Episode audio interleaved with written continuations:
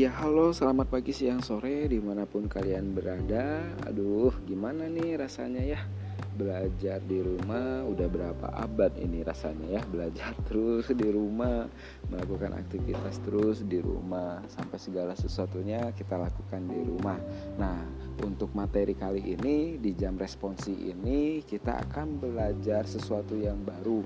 Kita akan belajar tentang materi amanat agung. Temanya sih tentang amanat agung. Tapi gimana sok ya? Kalian belajar secara gini itu menyenangkan atau enggak tah?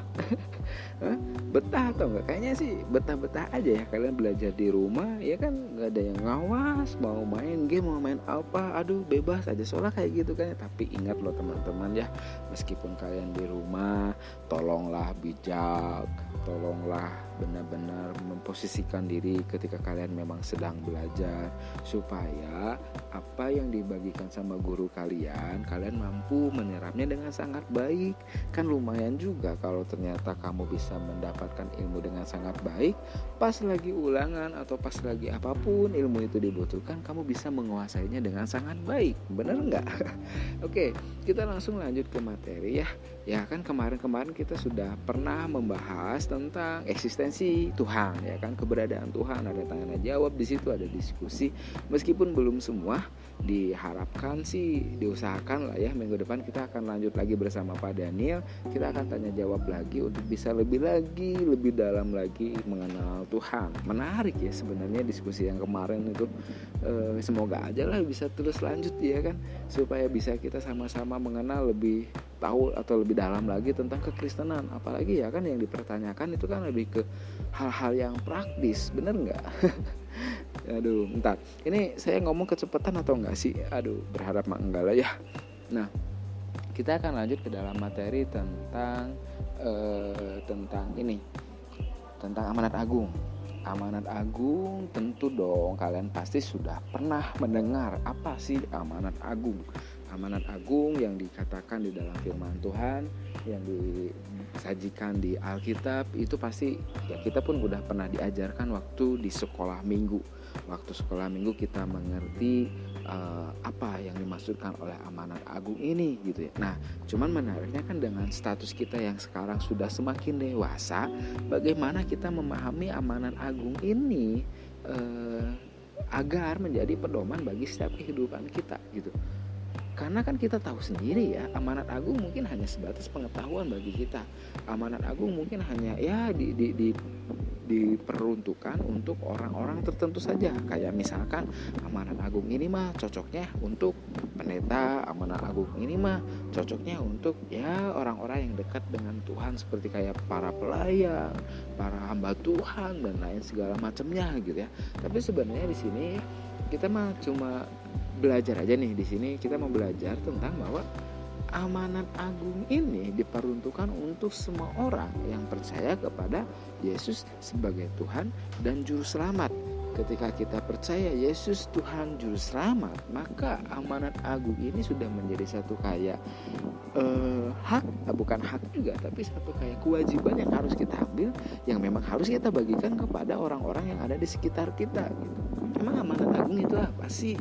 amanat agung itu gimana sih? Nah, makanya di amanat agung yang mau kita bagikan di sini tuh adalah lebih ke bagaimana kita sebagai seorang Kristen mereka ya kita yang percaya kepada Yesus sebagai Tuhan dan juru selamat kita ngerti kasih Allah yang begitu luar biasa kepada amat manusia ini ya kita bagikan kepada orang-orang yang ada di sekitar kita agar mereka pun bisa mengerti mengenal kabar baik tersebut gitu kan ya. Ada mandat yang dari Tuhan yang memang harus kita sharekan kepada semua orang gitu. Tapi kan ya aduh ya saya juga tahu sendiri ya ngerti sendiri gimana eh, kehidupan kita saat ini kan berbeda dengan zaman dulu. Mungkin gini ya pak ya eh, zaman dulu mah pak? Kita ngomong mungkin masih enak-enak aja lah ya. Lah sekarang kan social distancing pak. Nggak nggak bisa saya ngasih tahu ke mereka. Nggak bisa saya ngasih tahu ke orang-orang yang ada di sekitar saya bahwa saya punya Tuhan yang sangat luar biasa. Karena ketika saya berkumpul dengan mereka itu teh saya udah diusir sama Hansip pak. Ada yang kayak gitu ada. Oke okay, gitu kan ya.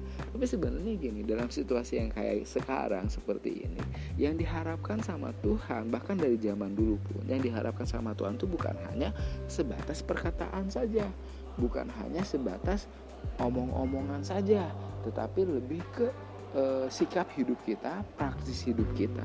Sejauh mana kita benar-benar mengaplikasikan kasih Kristus itu dalam setiap kehidupan kita. Misal, nih kita tahu agama Kristen kuat dengan kasih. Karena kita sebagai seorang Kristen sudah seharusnya kan kita juga punya kasih tapi menariknya gini, ketika kita punya kasih dan ternyata kita punya konflik dengan orang yang sudah menyakiti hati kita, bisa nggak sih kasih itu kita aplikasikan untuk bertemu dengan orang yang memang sangat kita tidak sukai, lalu kita ubah mindset kita yang tadinya penuh dengan dendam, yuk ganti dengan kasih. Bisa nggak? Susah kan? Makanya seolah untuk zaman sekarang, untuk untuk zaman ini kayak ya kasih hanya sebatas kasih doang lah. Cukup hanya sebatas pengetahuan lah. Nah kalau udah tahu gini gimana coba untuk benar-benar bisa menjalankan amanat agung yang memang Tuhan rindukan yang memang Tuhan inginkan untuk setiap umat manusia? Berat loh bro. Serius yang yang yang saya harapkan mah ya di antara kita semua hayulah kita sama-sama belajar hayulah kita sama-sama benar-benar menggali siapa kita. Ingat loh kita tuh udah ditebus oleh darah Kristus. Kita udah punya kasih yang benar-benar luar biasa dari Kristus. Kasih itulah yang seharusnya kita bagikan kepada semua orang. Kasih itulah yang seharusnya kita sharekan juga kepada orang-orang yang ada di sekitar kita. Nggak hanya orang-orang yang kita sukai saja bahkan jika kita punya orang yang mungkin sangat kita benci hayulah kita bagikan kasih juga ke mereka gitu loh. Supaya ya amanat agung ini tidak hanya sebatas pengetahuan belaka gitu. Tetapi kita punya apa ya kita punya punya sesuatu tanggung jawab yang memang harus kita bagikan kepada mereka.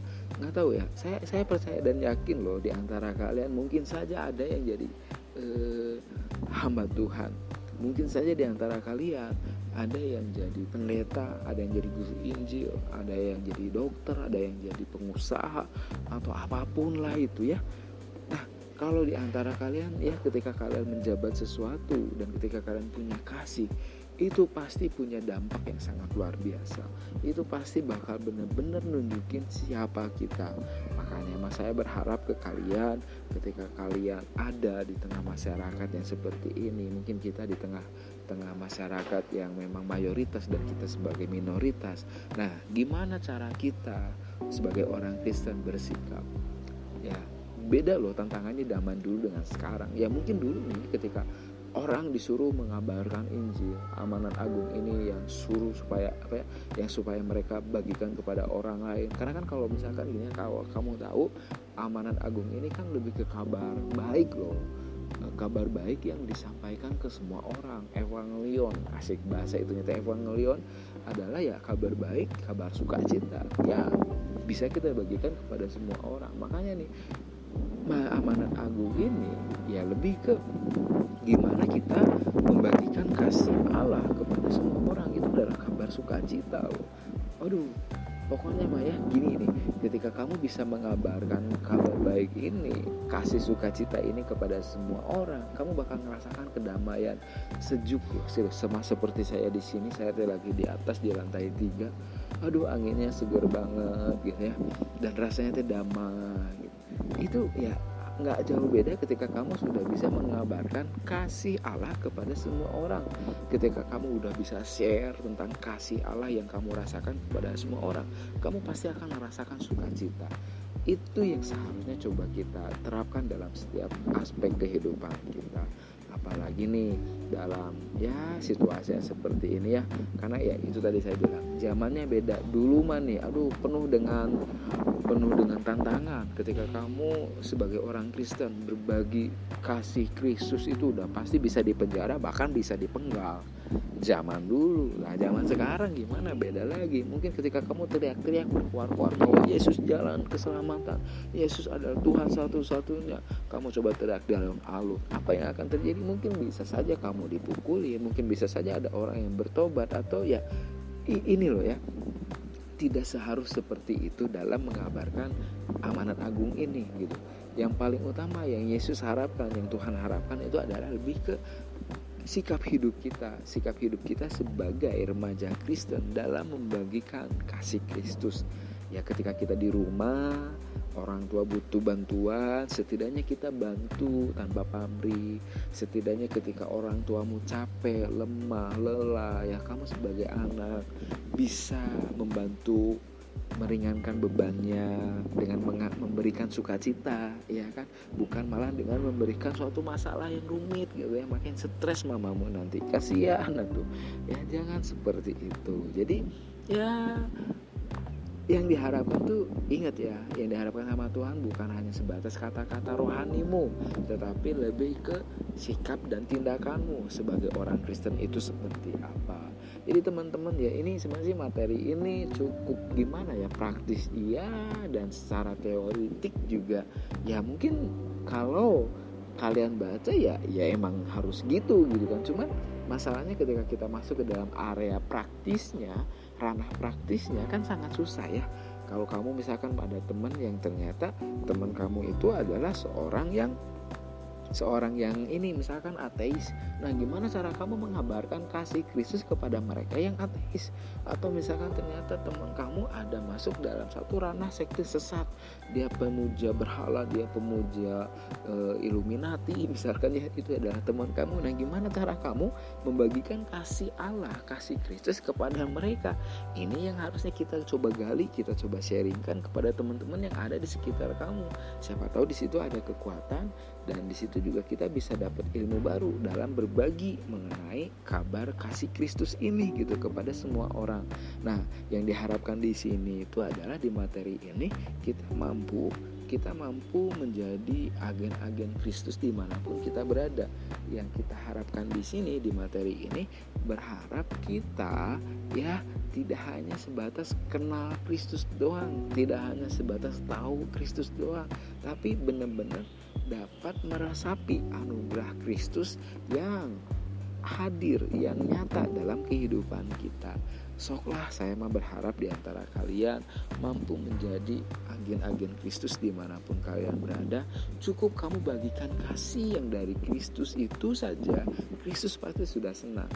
Iya Tuhan pasti sudah senang kok ketika kamu di rumah menjadi anak yang memang menunjukkan identitas kita sebagai anak Allah ketika kamu dalam komunitas kamu menjadi uh, angin ya enaknya bentar ya ketika kamu di komunitas kamu menjadi berkat kamu jadi teladan itu udah udah mewakili bahwa kamu itu adalah orang yang sudah menjalankan amanat agung.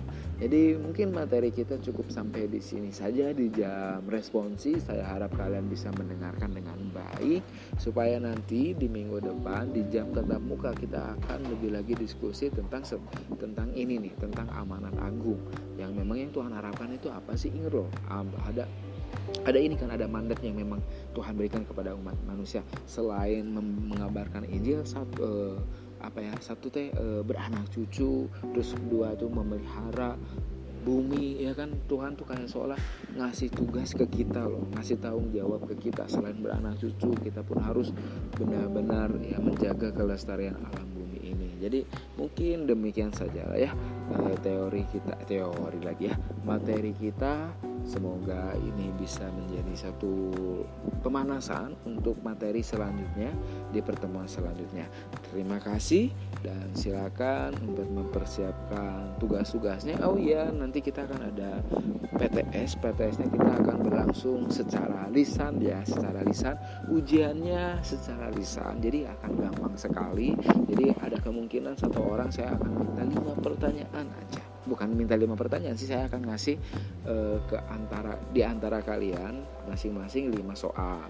Nah, soalnya apa aja? Ini kan kalau kita kelas 12 itu tentang alfa dan omega dan Eh, selain alfa dan omega kan kita bahas tentang eksistensi Tuhan. Jadi paling materi kita waktu di tes lisan itu hanya seputar itu tentang alfa dan omega. Kayak misalkan saya akan tanya ke kalian misalkan bagi kamu maksud dari alfa dan omega itu apa sih? Oke misalkan kamu bisa menjelaskan bla bla bla bla, bla dengan sangat jelas dengan sangat dengan sangat luar biasa detail gitu ya maka udah otomatis bobot nilainya juga akan sangat besar. Gitu saja paling ya jika memang eh, tidak ada yang mau ditanyakan eh, boleh sudahi saja boleh sudahi boleh boleh kalian mempersiapkan untuk pelajaran selanjutnya. Jika ada yang mau ditanyakan eh, link dan akun Jimmy Google Meet ya maksudnya sudah ada di Google Classroom. Nanti kalian boleh klik dan jika mau ditanyakan boleh langsung join atau mau sharing-sharing juga silakan langsung join. Oke terima kasih. Jangan lupa terus semangat dan terus berdoa sama Tuhan. Terima kasih ya. God bless. Tuhan memberkati. thank you